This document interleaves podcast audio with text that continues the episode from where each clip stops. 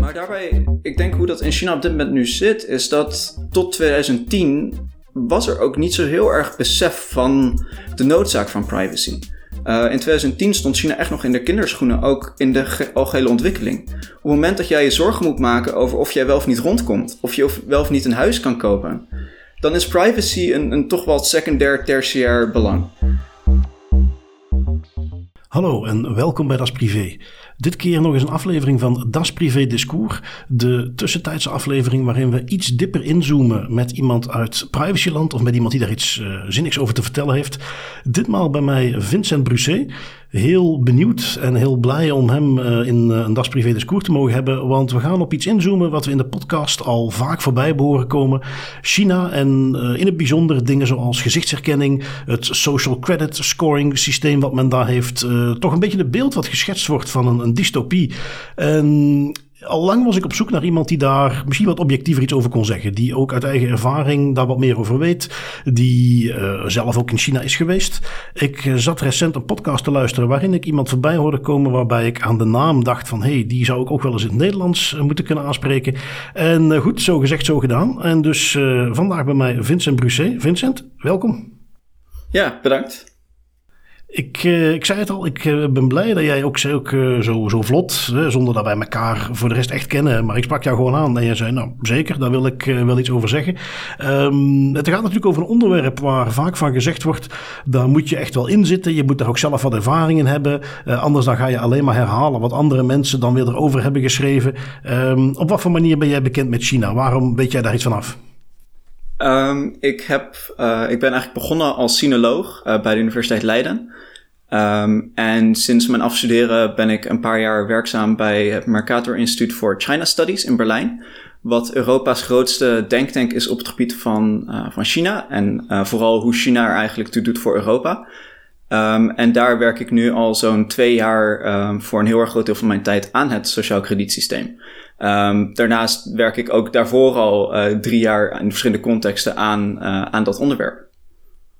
Oké, okay. uh, je hebt zelf ook een tijdje in China gezeten, dacht ik? Ja, klopt.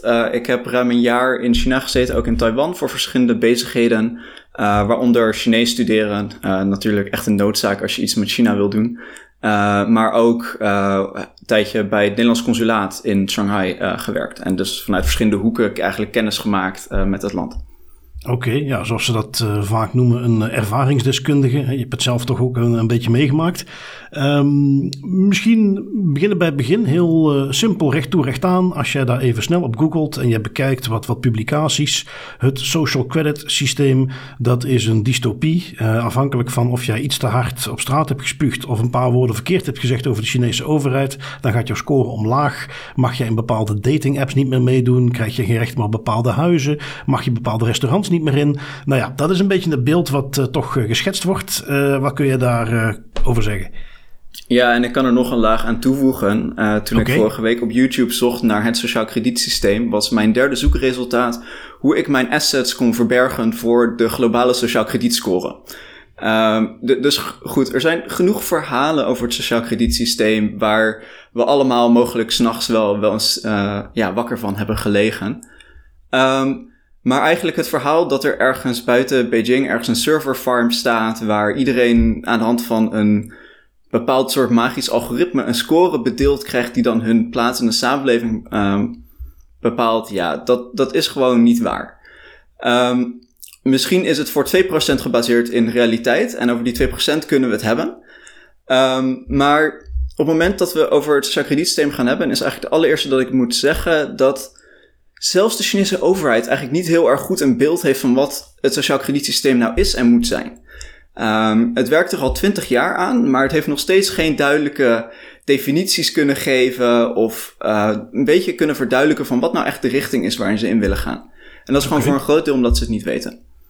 De basis van het sociaal kredietsysteem zoals we het nu zien is essentieel een geglorificeerd online filesysteem. Uh, waarin de, de overheid dus files aanmaakt van in, in de grootste deel van de gevallen uh, bedrijven, maar ook tot op zekere hoogte uh, individuen. Waarin ze informatie opslaan zoals welke vergunningen je hebt aangevraagd als bedrijf. Bijvoorbeeld nou ja, om, om een podcast te mogen maken zoals je dat in China nodig hebt. Of een vergunning om voedsel te mogen produceren. Maar ook of jij je aan wetten en regels houdt. Of jij uh, dus bijvoorbeeld een keer door de politie gestraft bent omdat jij, nou ja, niet je aan de hygiëneregels in een restaurant hebt gehouden. Uh, als restaurant zelf zijnde. Of mm -hmm. of je je aan bepaalde wettelijke uh, verplichtingen houdt. Zoals contracten die je tekent, leningen die je aangaat. Die informatie wordt opgeslagen en die wordt dan gedeeld met andere overheidsorganen. Zodat bijvoorbeeld op het moment dat een overheidsorgaan ziet, jij betaalt nooit jouw belasting. Dat ze dan misschien even een tweede keer kijken naar het moment dat jij dan bijvoorbeeld voor een overheids pro procurement uh, idee gaat. Dat ze dan even kijken van ja, maar hey, wat houdt je nooit aan de regels. Dus misschien moeten we ook hier je niet mee uh, vertrouwen. En ook met andere spelers in de markt. Als ik even een, een, klein uitstapje maak naar iets wat in Nederland natuurlijk heel erg het nieuws heeft gehaald, wat wij in de podcast ook vaak behandeld hebben. Het uh, fraude-signaleringssysteem van de Belastingdienst, waarin ze uit verschillende bronnen allerlei informatie halen, waar ze dan vervolgens gebruiken om te bepalen, uh, is iemand, uh, is de kans groot dat hij fraude gaat plegen? Iets wat overigens specifiek gericht was op personen. Um, als ik jou nu hoor, zo'n soortgelijk systeem is er ook wel, maar is dat eigenlijk initieel vooral bedoeld voor bedrijven? en zou dus bijna mogen zeggen dat dat systeem van de Nederlandse overheid verder ging dan wat je in China ziet. Um, tot op zekere hoogte was het systeem in Nederland, wat de Belastingdienst gebruikte, was meer het sociaal kredietsysteem zoals wij het zien dan het sociaal kredietsysteem zelf. Dat, dat is een beetje een karikatuur. Uh, en uh, mm -hmm. wat, wat wel waar is, dat, dat is bijvoorbeeld in China bovenop dat informatiesysteem hebben ze een systeem van straffen en beloningen. Op het moment dat jij een zware overtreding begaat van wetten, of je houdt je bewezen niet aan de contracten. Of je bent door de rechter ergens door veroordeeld, maar je weigert om bijvoorbeeld die boete te betalen. Dan kunnen ze je op, op bepaalde manieren straffen. Uh, bijvoorbeeld dat je uitgesloten wordt van de markt. Uh, dus bijvoorbeeld je mag nooit meer um, in een restaurant werken. Uh, of je mag nooit meer in een gebied werken waarvoor, nou ja, die, dat mogelijk gevaarlijk kan zijn voor milieuvervuiling. zulke soort dingen. Um, maar daarbij moet ik benadrukken dat dat systeem in China geen gebruik maakt van scores. Um, mm. Het is grotendeels analoog, dus het, het werkt niet met AI, maar het is gewoon een overheidsfunctionaris die op inspectie gaat bij een restaurant en dan zegt: je voedselveiligheid is niet in orde. Dat in een document zet, dat document upload naar een server en dan, dan wordt het beschikbaar voor andere mensen. Okay. En dus, nou ja, grotendeels gefocust op, op economische activiteiten.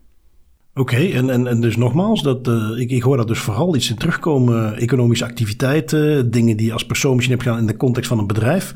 Dus zeker niet zozeer op individuen gericht. Uh, nee, zeker niet zozeer op individuen gericht. Er zijn gevallen geweest. En dan moeten we het hebben over hoe beleidsmaken in China werkt. China is een groot land. En daar worden soms gekke dingen gedaan. Er zijn experimenten geweest die inderdaad gericht zijn op individueel gedrag. En de reden daarvoor is dat een hele hoop van die problemen waar het sociaal kredietsysteem zich op richt, dan nogmaals bijvoorbeeld die voedselveiligheid, uh, bijvoorbeeld uh, het misbruik maken van, uh, van het milieu, um, van zulke soort dingen, die problemen in China die werden heel erg in morele termen geframed. Dus op het moment dat jij je niet aan een wet houdt, dan zegt dat iets over jouw moraliteit. En dat begrip van moraliteit hebben sommige steden eigenlijk constant opgerekt, opgerekt, opgerekt dat op een gegeven moment sommige uh, mensen in China gingen denken van ja, misschien als je iets te veel games speelt, misschien zegt dat iets over jouw betrouwbaarheid. Um, misschien op het moment dat jij je afval niet goed scheidt, misschien zegt dat iets over, nou ja, nogmaals jouw betrouwbaarheid. Um, maar ook in China, en dan komen we op eigenlijk ook het onderwerp van privacy en hoe mensen in China zulke soort dingen zien. Ook deze werden eigenlijk best wel snel controversieel in China.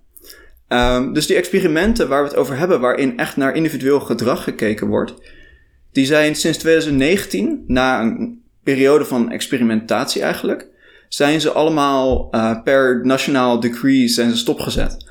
Um, dus dat moet je echt zien als die 2% waar het op gebaseerd is, die hele mythos van het sociaal kredietsysteem. Er zijn experimenten geweest. Um, en die zijn nu stopgezet, omdat ook de Chinese overheid eigenlijk doorhad van ja, op het moment dat wij naar al deze factoren kijken, hoeveel zegt dat nou echt eigenlijk? En op een gegeven moment gaat dat dan ook een risico vormen voor die primaire doelen die je voor het systeem zet. op het moment dat jij iemand gaat, een vergunning gaat geven op het moment van of, of die wel of niet veel games speelt, dan wordt ook te ambigu. Daarbij moet ik wel meteen als disclaimer zeggen dat dit allemaal niet betekent dat er geen surveillance in China is, want dat is er overduidelijk. Um, maar surveillance is niet het sociaal kredietsysteem. En het sociaal kredietsysteem is niet surveillance.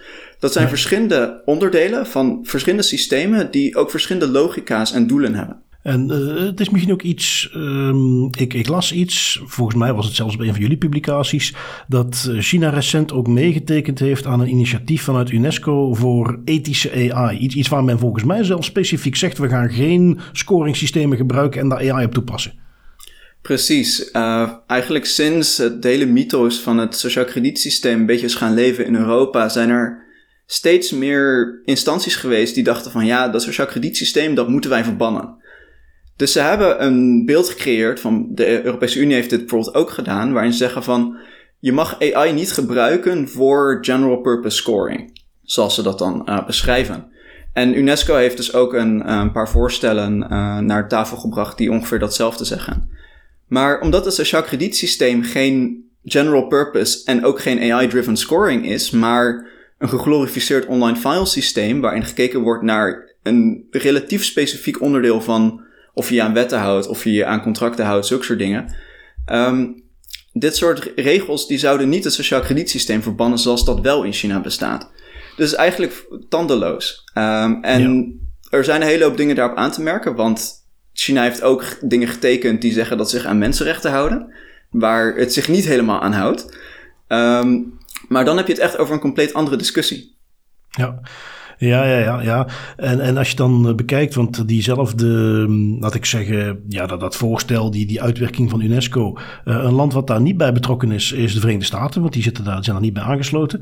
Um, het meest bekende onderdeel, als we meer een, beetje naar kredietscores kijken, is toch wel de, de FICO-score in Amerika. Waar ik toevallig laatst op Twitter nog iemand voorbij zag komen die probeerde, of Reddit was het, die aan wilde geven hoe goed hij tegenwoordig zijn leven op orde had. Van ja, ik heb een kredietscore van 850. Um, mij zei dat helemaal niks maar toen ben ik het even gaan uitzoeken. En, en dan blijkt effectief dat dat een, een, getal is wat iedereen meteen niet zal zeggen. Uh, wat kennelijk een heel goed krediet is. Uh, tussen de 300 en de 500, daar zitten dan de, de meeste mensen. Um, maar dat is dan uh, een mooi voorbeeldje vanuit Amerika zelf. van precies zo'n score, waarbij krediethistoriek, allerlei aspecten van afbetaalde leningen en dergelijke mee worden genomen. Een score aan worden gekoppeld die heel makkelijk ook nog eens op te vragen is. En als ik jou goed begrijp, is dat iets waar men in China zelf nog van denkt van god, dat gaat wel erg ver. Um, nou, niet helemaal. Uh, het sociaal kredietsysteem is eigenlijk best wel sterk geïnspireerd op de FICO-score. Okay. Maar dan moet je eigenlijk het sociaal kredietsysteem opbreken in de verschillende delen. Want kredietsysteem, dat, dat impliceert natuurlijk al dat je het hebt over het verstrekken van leningen. En dat is één heel erg groot onderdeel van het sociaal kredietsysteem. Dat gaat erover om van mensen en bedrijven te kunnen zeggen van hoe waarschijnlijk het is dat zij een lening betalen. Dat is één onderdeel van het sociaal kredietsysteem. Uh, en dat is waar ze in China mee aan het experimenteren zijn. De tweede kant is marktregulering. Um, en dat zijn bijvoorbeeld die voorbeelden die ik net noemde. Op het moment dat jij wetten overtreedt, regels overtreedt als het gaat om voedselveiligheid, milieubescherming, zulke soort dingen. Dat is een andere kant. Uh, en de derde kant is vooral dat, uh, dat morele aspect. Um, en dat is ook het deel dat, dat in China af en toe wat schuurt. Um, maar die FICO-score is zeker in China heel erg interessant. Maar het verschil met bijvoorbeeld die FICO-score en uh, het UNESCO-voorstel is dat een FICO-score is een best wel narrow purpose scoring. Het is niet general purpose scoring. En dat is denk ik waar, waar het verschil zit. Uh, in China is er zeker interesse in general purpose scoring. Zoals bijvoorbeeld een ABC-letter voor hoe, um, hoe goed je restaurant zich aan die voedselveiligheid houdt. Een score die aangeeft hoe waarschijnlijk jij je lening betaalt. Um, en dat op nog meer vlakken, zoals milieubescherming en allemaal van zulke soort dingen. Daar is best die interesse in. En dat is dus voor een heel erg groot deel gemodelleerd en aangepast aan Chinese contexten. En ook een soms wat, nou ja, repressieve overheid in China. Um, maar dat, dat is dus nog steeds een heel ander beestje dan, dan die ene sociaal kredietscore die alles in je leven bepaalt. Ja, want als ik het dan rond de social credit scoring een beetje zou samenvatten. Eén, ehm, de, als je de, de populaire artikelen erover leest, die zitten er echt helemaal naast. Dat gaat veel te ver. Er zijn misschien in de afgelopen jaren wat, wat probeersels geweest, uh, lokaal, waarin men dat wel op die manier probeerde, maar waar zelf ook vanuit China men resoluut heeft gezegd, zover moeten we niet gaan, daar willen we niet gaan. Um, en dus eigenlijk uh, de, de klassieke social credit scoring, zoals we die hier kennen, bestaat ook in China gewoon niet. Precies. Ja, en dat betekent niet dat, dat er niet ambiguïteiten zijn in het sociaal kredietsysteem zoals het nu bestaat. We hebben bijvoorbeeld voorbeelden gevonden van mensen die op zwarte lijsten gezet zijn. Een van die belangrijke soort van strafsystemen bovenop dat, nou ja, die, die glorified online files. Um, en daar hebben we bijvoorbeeld ook gevallen van gevonden waar nou ja, mensen zijn erop gezet omdat ze iets online hebben gezet dat volgens de overheid ja. nepnieuws was. Um, dat, die gebeuren echt wel in, in, op de fringes, de, de verre uiteinden van het systeem. Maar die gebeuren wel. Er zijn in Inner Mongolia, een um, provincie met veel uh, minderheden in het noorden van China, zijn mensen ook bedreigd om met die zwarte lijsten op het moment dat zij probeerden zich te verzetten tegen de implementatie van het Chinese onderwijssysteem. En dus vooral het leren van die ene taal, Mandarijn. Uh, oftewel een beetje het algemeen beschaafd Nederlands uh, van, van China. Mm en dat is omdat je moet je aan de wet houden. En die wetten die zeggen, ja, hey, um, je moet je ook aan het onderwijssysteem houden. Dus op het moment dat het sociaal kredietsysteem wetten in China eigenlijk probeert uh, te enforcen, uh, gewoon ervoor te zorgen dat iedereen zich daar strikt aan houdt, dan zal het op vroeg of laat ook die wat repressievere onderdelen uh, gaan proberen te enforcen. Uh, maar voor het overgrote deel is dat echt aan de, ja, aan de verre uiteinden van het sociaal kredietsysteem. En wordt in plaats van het sociaal kredietsysteem wordt een groot deel van, nou ja, toch een stuk bottere instrumenten ingezet om die kleine groep van dissidenten, of tenminste klein, maar dan natuurlijk geëxtrapoleerd naar de schaal van China, alsnog miljoenen mensen, uh, om die onder, uh, ja, toch te onderdrukken. Maar dan blijf je het echt bij, bij de relatief kleine groep houden. En er is niet zo heel erg veel interesse, omdat op de 1,3, 1,4 miljard mensen in China uh, te extrapoleren. Ja, ja, ja. Um, en, goed, dus, dus men kan dat soort technieken, systemen wel eens inzetten eh, met een, voor wat meer repressieve middelen.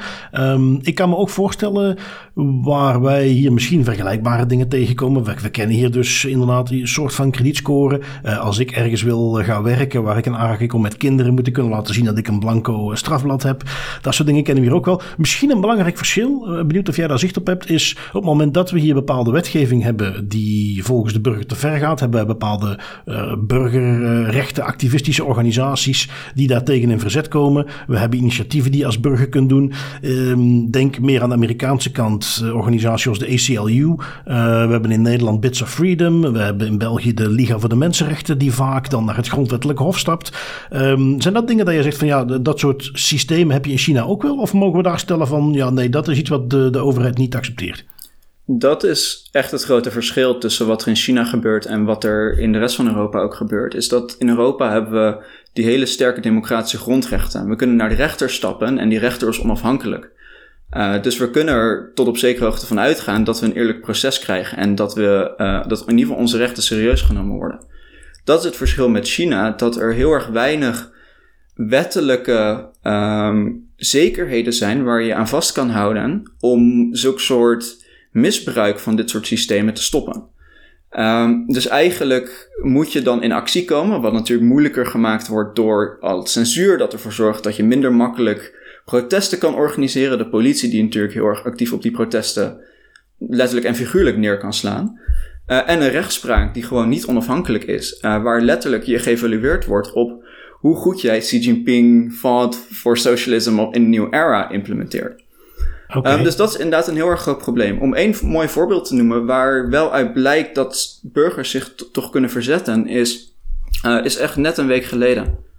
Um, in China heb je natuurlijk vanwege coronavirus heb je nog steeds overal die QR-codes. Uh, je vaccinatiepaspoorten, uh, eigenlijk een risico-inschatting van hoe groot de kans is dat jij corona bij je draagt. Um, en die zijn ook best wel vaak gebruikt in manieren dat je zegt van ja, maar dit heeft helemaal niks te maken met jouw besmettingsrisico. Dus vorige week waren um, mensen die in een stad in uh, Henan, in Zhangzhou, um, die probeerden geld op te nemen van een bank, omdat mensen niet wisten of die bank nog liquide zou zijn. Ze waren bang dat die bank om zou vallen, dus ze wilden ge uh, hun geld opnemen. Al die mensen die probeerden naar Zhangzhou te gaan om hun geld op te nemen, die kregen opeens een rode QR-code. Wat betekent dat je verplicht twee weken in quarantaine moest. Dus compleet arbitrair en misbruik ook van die QR-codes. Um, maar heel erg snel kwam er ook verzet binnen een hele hoop mediacirkels. Dat zelfs mensen die je op Twitter ziet echt als de meest grootste voorstanders van het Chinese systeem, de Wolf Warriors, om maar zo te zeggen, dat die eigenlijk zeiden van ja, maar jongens, dit kan toch niet? En dus wat er ook is gebeurd, is dat overal in zelfs Chinese staatsmedia mensen hebben gezegd van dit kan niet. De mensen die het hebben gedaan zijn gestraft. Um, en de, de vraag is of, ja, de, de, vraag blijft natuurlijk of dit echt voldoende zal zijn. Want het is niet in de wet geschreven dat dit niet mag. Uh, of in ieder geval redelijk arbitrair in de wet geschreven. Dus ja, je haalt hier geen wettelijke rechten uit. Maar je ziet wel dat dat is verzet tegen dit heel erg arbitrair gebruik. En arbitrair gebruik waarvan mensen het gevoel hebben dat dit opeens iedereen kan raken. Niet alleen die paar dissidenten die voor heel veel mensen echt best wel een ver van hun bedshow zijn. Uh, of in ieder geval, dat kunnen ze negeren omdat ze zelf niet van hun bed gelicht worden om 12 uur s'nachts. Dat daar wel echt het verzet uh, tegen ook kan komen. Nu, als je dan kijkt naar, uh, was op een gegeven moment, er is verzet. Men wil de klassieke instrumenten gaan inzetten om dat te onderdrukken. En dan, dan komen we van, even los van wat meer het social credit systeem, maar naar de mogelijkheden van surveillance. Um, wat we daar voorbij zien komen van uh, zoveel mogelijk facial recognition. Uh, de camera's die dingen in de gaten houden. De manier hoe men daar vervolgens wel databases koppelt en, en wilt kunnen doorzoeken waar mensen op een bepaald moment waren. Um, alles daaromheen, is dat iets waarvan je zou zeggen van nou, daar is de coverage die we in, de westerse media zien wel correct? Of, of zit daar ook een heel belangrijk verschil? Uh, ik denk dat dat grotendeels wel correct is, ja. Um, ik denk dat het allerbelangrijkst is om dat wel goed te scheiden van het sociaal kredietsysteem. Omdat op het moment dat je denkt dat al die systemen naar één grote score gaan, dan gaan we de mist in, ook in het ontwerpen van onze eigen reacties, zoals die van de UNESCO, zoals die van de Europese Unie. Maar inderdaad, um, gezichtsherkenning in camera's op straat, enorme censuur online. Al die dingen worden op zeer grote schaal inderdaad in China uh, uitgerold. Ik denk dat het daar wel nuttig is om het ook over de risicoperceptie te hebben uh, die de Chinese overheid zich nahoudt. Um, de Chinese overheid kijkt heel erg goed naar een groep van dissidenten, drugsgebruikers, etnische minderheden, die het echt als een risico voor de staatsveiligheid ziet, of, oftewel de regimeveiligheid eigenlijk.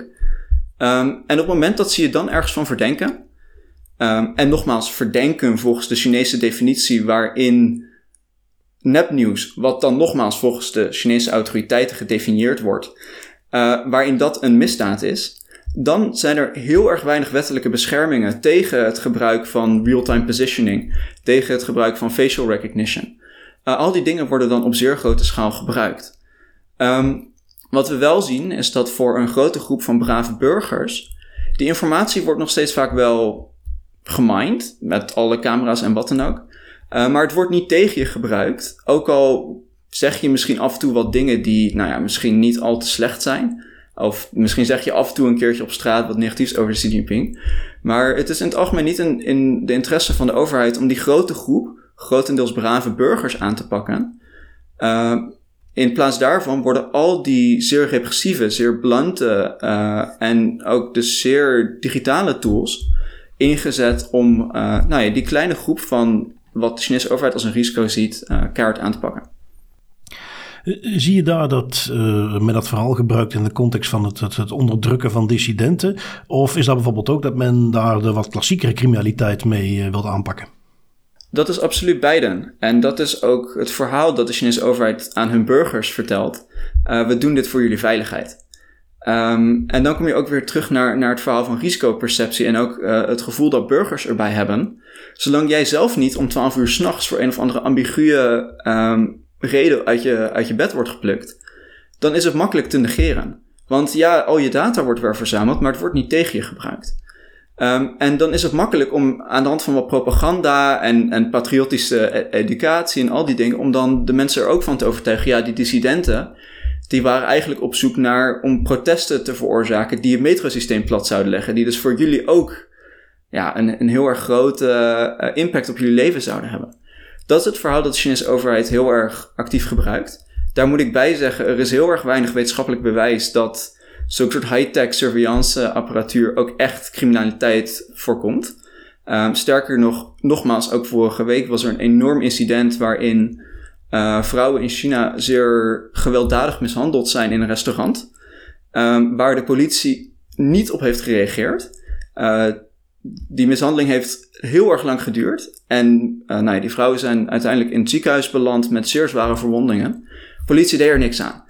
Dus dat, dat verhaal van, van veiligheid is heel erg ambigu. Uh, en daar zitten heel erg veel haken en ogen aan. Maar dat is wel hoe de Chinese overheid het presenteert. En ook hoeveel mensen het, of dat nou door propaganda is of omdat ze het echt voelen, uh, toch wel ook zo inzien. Daar zie je dan toch, uh, ik denk even terug aan iets wat wij uh, net deze week ook in de podcast hadden meegenomen. Uh, een, een soortgelijk voorbeeldje van een, een stad in India, waar men dat een beetje benoemt als de Total Surveillance City, waar men ook zich beroept op de hoeveelheid camera's. En waar we ons ook de vraag stelden, die we ook bij dat soort gelijke initiatieven bij ons de vraag stelden van ja hoe effectief is dit nu? Eh, je hoort heel vaak dat men zegt, ja, het verhoogt de veiligheid, het is alleen maar voor de veiligheid, maar hoeveel werkt het nu?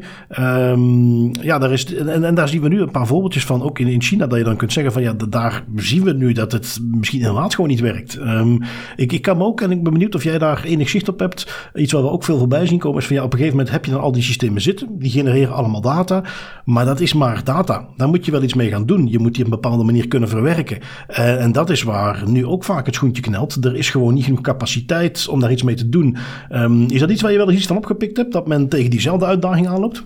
Ja, ik denk dat je twee uitdagingen hebt. Of eigenlijk, uh, de ene kant is ook een uitdaging, maar een, ook een heel erg sterk punt van het Chinese systeem. Want de Communistische Partij volgt nog steeds een enorm Leninistische structuur. Je hebt ongeveer 90 miljoen partijleden. Je hebt miljoenen mensen die echt op de grassroots level, dus in de, in de wijken zitten en die letterlijk op de deuren van mensen kunnen kloppen om te vragen van hé, hey, waar hou je je mee bezig? En op het moment dat jij uh, je bijstand wil krijgen, uh, moeten we wel even een gesprekje met, met elkaar aangaan over wat je aan het doen bent. Zulke soort dingen die bestaan echt in China en dat wordt mede mogelijk gemaakt door die miljoenen mensen die echt die capaciteiten hebben. Um, het hele surveillance systeem zou relatief weinig kunnen zonder al die mensen. En dan kom je inderdaad op die limitaties aan op het moment dat die mensen niet willen. Die willen niet voor vrouwenrechten opkomen. Die willen zo'n mishandeling niet stoppen. Dan krijg je ook niet zo heel erg veel gedaan. En dat is denk ik een van de belangrijkste lessen ook. Op het moment dat we het over surveillance in China hebben. Is dat het niet zonder die mensen kan. En een heel erg groot deel eigenlijk ook van de surveillance die in China uitgerold wordt. Dat zijn hele simpele apps. Waarin die mensen, misschien 70 jaar oude oma. Die um, als partijlid een baantje heeft waar ze een beetje extra bijstand voor krijgt om op haar buren een beetje uh, te spieden. Zij krijgt een app op haar telefoon waarmee ze heel erg makkelijk informatie naar de centrale overheid eigenlijk over kan geven. In plaats van dat het in, zoals het vroeger ging, dat het echt handgeschreven notities waren waar een grote rode stempel op kwam aan het einde van de maand. En die dan door de lokale beambtes even ontcijferd moesten worden. Uh, dus dat is eigenlijk een heel erg groot deel van de uitrol van surveillance die in China gebeurt, die vaak niet heel erg high-tech is, wel technologie gebruikt en dus ook een enorme impact kan hebben. De tweede kant is dat fragmentatie in China van al die surveillance systemen enorm is. Um, elk, elk verschillend bureaucratisch onderdeel volgt zijn of haar eigen standaarden. Um, vaak werken ze niet altijd heel erg graag met elkaar samen, want ze, hebben, ze moeten allemaal eigenlijk met elkaar concurreren om promotie te krijgen. Um, en ze hebben gewoon hun eigen domein. Uh, al die organisaties werken niet heel erg goed samen. Dus je kan best wel bijvoorbeeld in de stad van Shenzhen, uh, in het zuiden van China, uh, bekend voor de innovatie en de techniek. Daar kan je best wel een geavanceerd surveillance systeem hebben. Maar dan een paar steden verderop in Foshan, um, ook een stad in diezelfde provincie, maar 200 kilometer verderop. Um, daar zouden die surveillance systemen niet mee samen kunnen werken. Um, die fragmentatie is iets waar de Chinese overheid heel erg duidelijk over is dat dit echt een enorm probleem is. Je kan daar de beleidstukken op nazoeken, waarin de Chinese overheid zelf zegt: Deze fragmentatie is echt een enorm probleem. Um, en dat willen ze natuurlijk oplossen. Dat is de andere caveat erbij, dat willen ze oplossen. Maar het is een probleem dat ze al twintig jaar signaleren. Dus daar kan je ook vanuit gaan dat het niet zomaar in twee jaar gefixt is. Um, en dat is ook weer zo'n andere kant van de limitaties van, van het systeem die we soms vergeten op het moment dat wij te makkelijk over die mythes zoals sociaal krediet, uh, zoals de, sorry, zoals de sociaal kredietscore praten. Ja, want uh, dan zie je waar wij in onze kleine kikkerlandjes al merken dat uh, overheidsinstellingen moeite hebben om met elkaar data uit te wisselen omdat ze op andere systemen zitten. Ja, je moet dat natuurlijk wel eventjes maal 100 doen, uh, waarbij je steden hebt die groter zijn dan onze landen samen, die eigenlijk op dat niveau al zitten. En zo heb je er dan nog eens een stuk of 20, 30 van dat soort steden. dus ja, inderdaad, dat ook even puur naar logisch, wel is er technisch mogelijk. De kans dat men daar komt naar een volledig gekoppeld eh, AI-systeem wat scores geeft, wat dat allemaal in de gaten houdt, gekoppeld met de surveillance die ze doen. Uh, ik neem aan dat men daar eigenlijk een beetje tegen hetzelfde aanloopt zoals wij hier ook hebben. Eh, ICT en overheid en grote projecten is niet altijd een doorslaand succes. Absoluut. En er zijn genoeg studies, ook door Chinese wetenschappers in China geschreven, waar je gewoon kan zien dat sommige van zulke projecten een beetje een white elephant worden. Dus het klinkt allemaal heel erg leuk. Ze kunnen de technologie wel ontwikkelen. Maar wat ze dan eigenlijk met de technologie moeten, en om dan iedereen aan die technologie te krijgen, dat is veel, het veel grotere probleem. Um, een ander probleem overigens, als we het hebben over logistieke problemen vaak met, met zulke soort systemen, is de vraag hoe nuttig zou een alomvattende score voor iedereen zijn? Om er een compleet willekeurig voorbeeld bij te pakken. Stel ik heb een restaurant en ik krijg een score, even voor simpliciteit, op twee onderdelen. Op hoe goed ik mijn belasting betaal en op de hygiëne in mijn restaurant. Ik krijg misschien duizend punten voor mijn belastingen. Ik betaal ze altijd op tijd. Ik vul het voor mijn formuliertjes in detail in, duizend punten.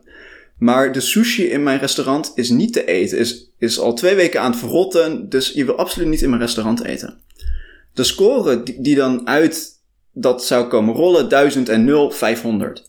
Hoeveel zegt die 500 mij nou echt over mijn belasting betalen? En, en het zegt me absoluut helemaal niks dat ik echt niet in dat restaurant zou moeten eten. En op het moment dat je daar nog laag en laag en laag bovenop gaat gooien, wordt het heel erg snel compleet waardeloos.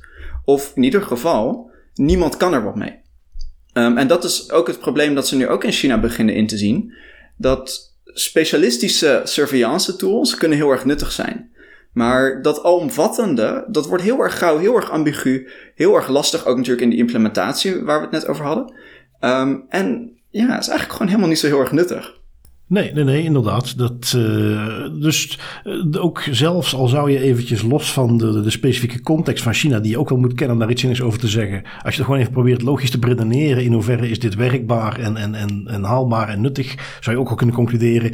Daar komen de Chinezen ook achter. Uh, ze hebben ons niet voor nodig dat dat niet nuttig is. Dus inderdaad, ja, nuttige reflectie. Um, waar ik dan nog benieuwd naar ben we hebben het net even gehad over die, die surveillance, wat toch echt wel heel indringend is. Um, waarbij je, je, nog een beetje dat principe terug ziet komen. Ach, als je niks te verbergen hebt, dan is er ook niks aan de hand. Uh, een soort mythe die toch hier al, al heel danig uh, ontkracht is.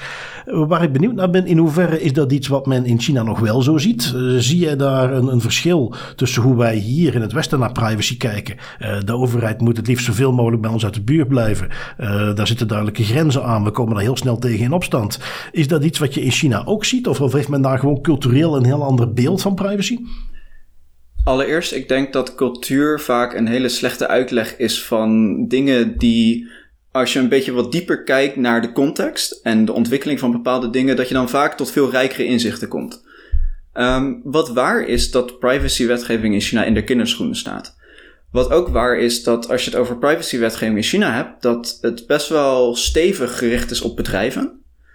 Dat er ook dingen zijn die ook wel voor overheidsinstanties gelden, maar dat er dan vaak hele grote uitzonderingen in zitten. Dat op het moment dat een overheidsorgaan iets als nationale veiligheid ziet, en nogmaals, dan is er niet die um, onafhankelijke uh, toetsingscommissie die zegt: dit is echt nationale veiligheid. Uh, dat op het moment dat zij zeggen van ja, oké, wij zien je als een bedrijf, onze nationale veiligheid, gaan eigenlijk al die verschillende dingen de deur uit. Um, maar daarbij, ik denk hoe dat in China op dit moment nu zit, is dat tot 2010 was er ook niet zo heel erg besef van de noodzaak van privacy. in 2010 stond China echt nog in de kinderschoenen, ook in de algehele ontwikkeling. Op het moment dat jij je zorgen moet maken over of jij wel of niet rondkomt, of je wel of niet een huis kan kopen, dan is privacy een, een toch wel secundair, tertiair belang.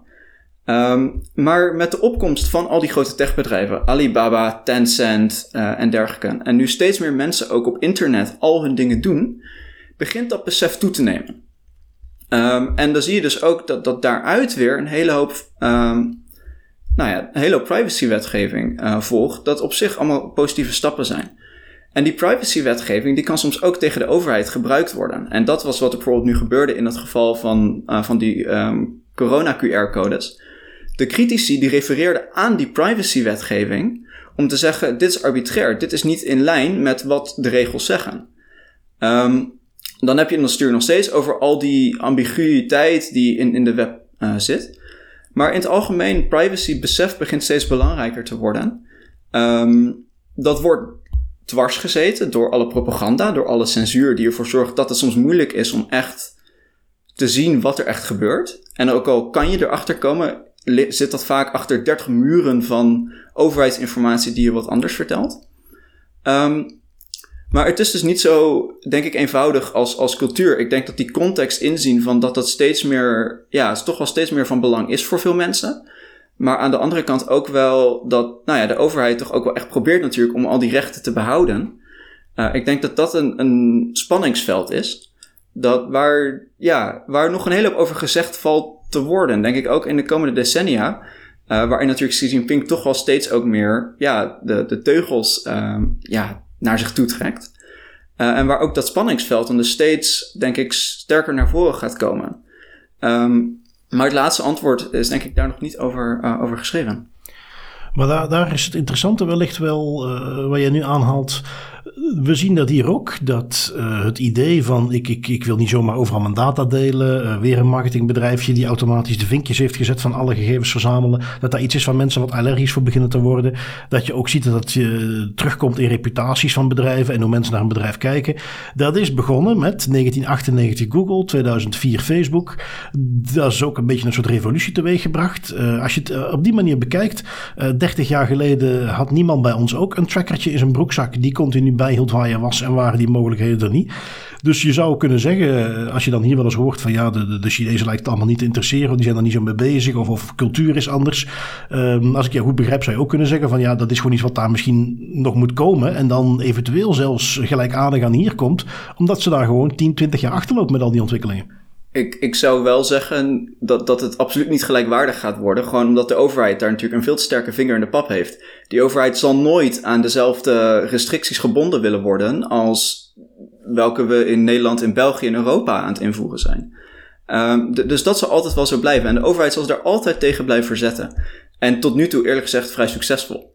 Um, want die haken en ogen die blijven overal in de privacywetgeving zitten. Uh, de rechterlijke macht blijft totaal afhankelijk van partijdoelen en partij, uh, partijbelangen. Um, dus het zal nooit echt zoals Europa worden, denk ik. Uh, maar het belang van privacy aan zich, um, dat bestaat zeker wel. Daarbij moet ik ook zeggen dat waarschijnlijk door propaganda, waarschijnlijk door alle, uh, ja, alle partijgestuurde educatie in China, is er over het algemeen ook wel een redelijk goed vertrouwen in de centrale overheid. Uh, op het moment dat je met een, nou ja, een gewone Chinees, voor zover je een gewone Chinees zou kunnen noemen, gezien de grootte en de diversiteit van het land, dan zal het grootste deel van de mensen toch wel een stuk positiever zijn over de centrale overheid dan we denken. En dat betekent niet dat de centrale overheid goed is, absoluut niet. Uh, maar het betekent wel dat die perceptie er is. Uh, en dat zegt dus ook dat dan het belang om zulke soort wetgeving in te voeren die tegen de overheid zou gaan, ook wat minder sterk aanwezig is. Ik denk je dat wel kan zeggen.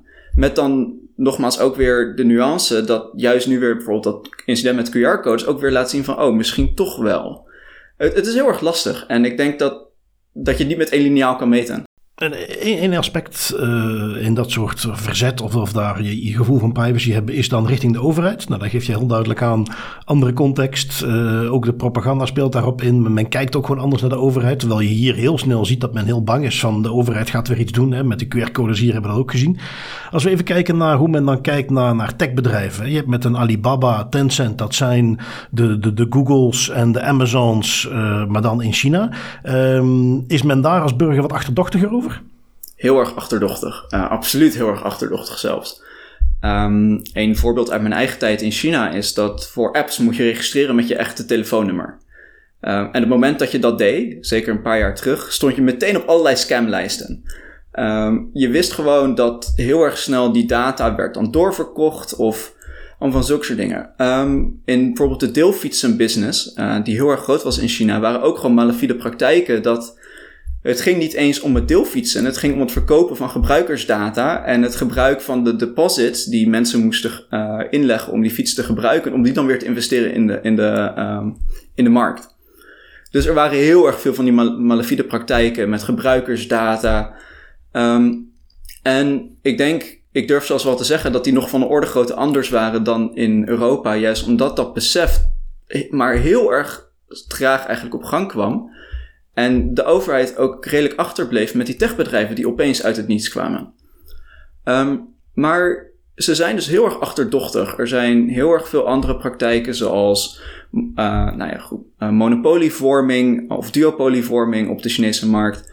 Um, misbruik van platformwerkers, allemaal van zulke soort dingen. En nou ja, nogmaals, teruggaan naar de, de, de eigenlijk helemaal niet bestaande gemiddelde Chinees kan je denk ik wel zeggen dat er echt wel eh, een flinke mate van wantrouwen uh, bestaat naar die techbedrijven. Uh, en dus ook dat je in die regelgeving ziet, deels ook daarom, en ook deels dan weer om een beetje af te leiden van wat de overheid doet, uh, dat die regelgeving zich daar heel erg sterk op richt. En zelfs in een aantal gevallen ook wel echt verder gaat dan, dan in Europa. Um, in bijvoorbeeld hoeveel transparantie platforms moeten geven over hoe hun algoritmes werken wat voor data platforms kunnen gebruiken. Je kan gewoon letterlijk een stuk regulering vinden dat zegt: dit is de informatie die dit type app mag verzamelen. En niet meer dan dat. Uh, en op het moment dat ze meer verzamelen dan dit, dan mag, mag het in ieder geval niet verplicht zijn. Uh, en dan moeten users duidelijk een opt-out uh, ding hebben. En daar gaan ze soms echt wel wat verder in, denk ik nog. Daar zie je dan, als ik jou zo hoor, ook, uh, want jij hebt dan de, zo, ik ken hem onder de terminologie PIPPL, die nieuwe privacywetgeving uit China, die eind vorig jaar in voegen is getreden. Waar je trouwens ook nog ziet, waar jij net ook alles aangaf, dat soms alles een beetje vaag is. Waar heel veel onderdelen in die wetgeving zitten die zeggen, ja, daar moet nog uh, een besluit over komen. Of daar moet dit comité nog iets over publiceren. En, en dat is dan nog steeds niet gebeurd. Um, maar, maar daar zie je dat men dus inderdaad de duimschroeven flink heeft aangedraaid voor de techbedrijven. En dat men daar in die zin soms zelfs wat verder gaat dan wat we in Europa zien. Misschien nu net omdat die bepaalde barrières daar niet in zitten. Ik herinner me een, een situatie waarin 31 apps uh, vijf dagen na de inwerkingtreding van die nieuwe wet doorkregen uh, of jullie passen dit aan, of je wordt uit ja, dan de relevante app stores uh, gegooid. Dus waar handhaving net even op een ander niveau zit dan hier in Europa, waar we heel erg zien met de GDPR, dat net een ontzettend probleem is. Um, maar tegelijkertijd dat er dan uh, voor de overheid toch wat, wat ruimere gaten zijn. Maar ja, omdat daar dus meer vertrouwen is door de burger zelf, op welke manier dat vertrouwen tot stand is gekomen, is dat iets waar men minder van wakker ligt dan, dan hier. Ja, precies. En daarbij moet ik ook zeggen dat die ambiguïteit compleet bewust is. Uh, ze willen die ambiguïteit houden, zelfs voor de techbedrijven zelf. Uh, want die techbedrijven, op het moment dat die wetten ambigu geformuleerd zijn, kan de overheid ze ook eigenlijk tegen die techbedrijven gebruiken hoe ze willen. Um, en dat doen ze dus heel erg bewust om, om ervoor te zorgen dat zij altijd net even een stapje verder gaan dan wat de overheid wil. En dat op het moment dat de overheid op een gegeven moment denkt van ja, het begint nu toch wat ambigu te worden, dat ze maar eigenlijk één bedrijf hoeven aan te pakken. En dat zendt dan een signaal naar de rest van alle bedrijven dat, hé hey jongens, uh, het is veranderd. En uh, jullie hebben nu weer een andere situatie om rekening mee te houden, die we eigenlijk niet in de wet hebben gezet.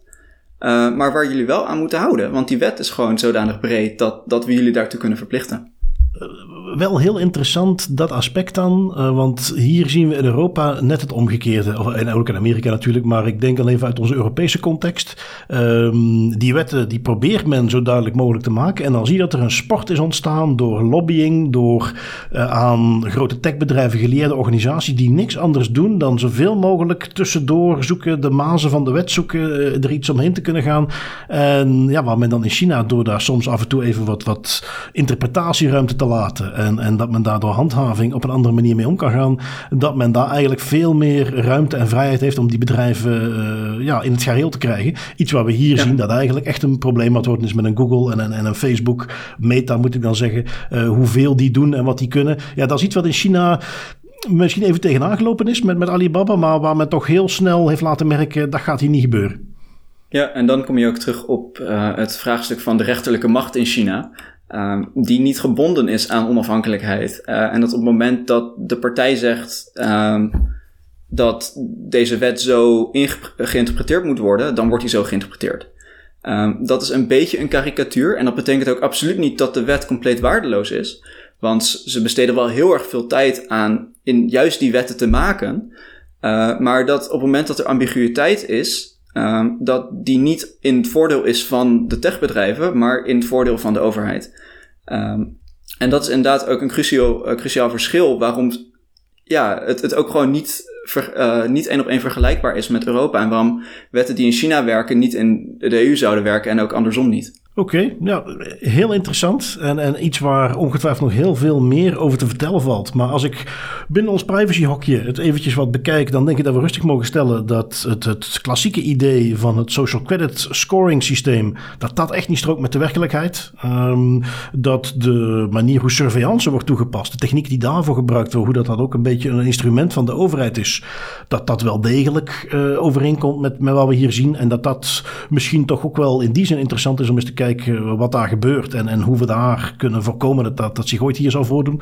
Um, en dat, dat privacy en het, het begrip daarvan um, iets is wat nog heel erg aan het ontwikkelen is. En waar we de komende decennia misschien pas gaan zien hoe zich dat ook daar uh, manifesteert. Um, Vincent, ik wil jou heel erg bedanken voor jouw tijd. Ik vond het ongelooflijk interessant. En uh, ja, ik zal jou op uh, een aantal plekken zeker nog opvolgen. Als mensen wat meer willen lezen, iets meer je achtergrond willen zien, waar kunnen ze wat meer informatie vinden?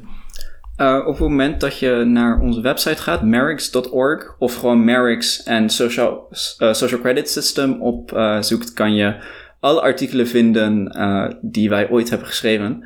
je kan ook gewoon googlen op mijn naam met Social Credit System en dan komt er genoeg langs wat ik geschreven heb of, of waar ik anders dingen gezegd heb.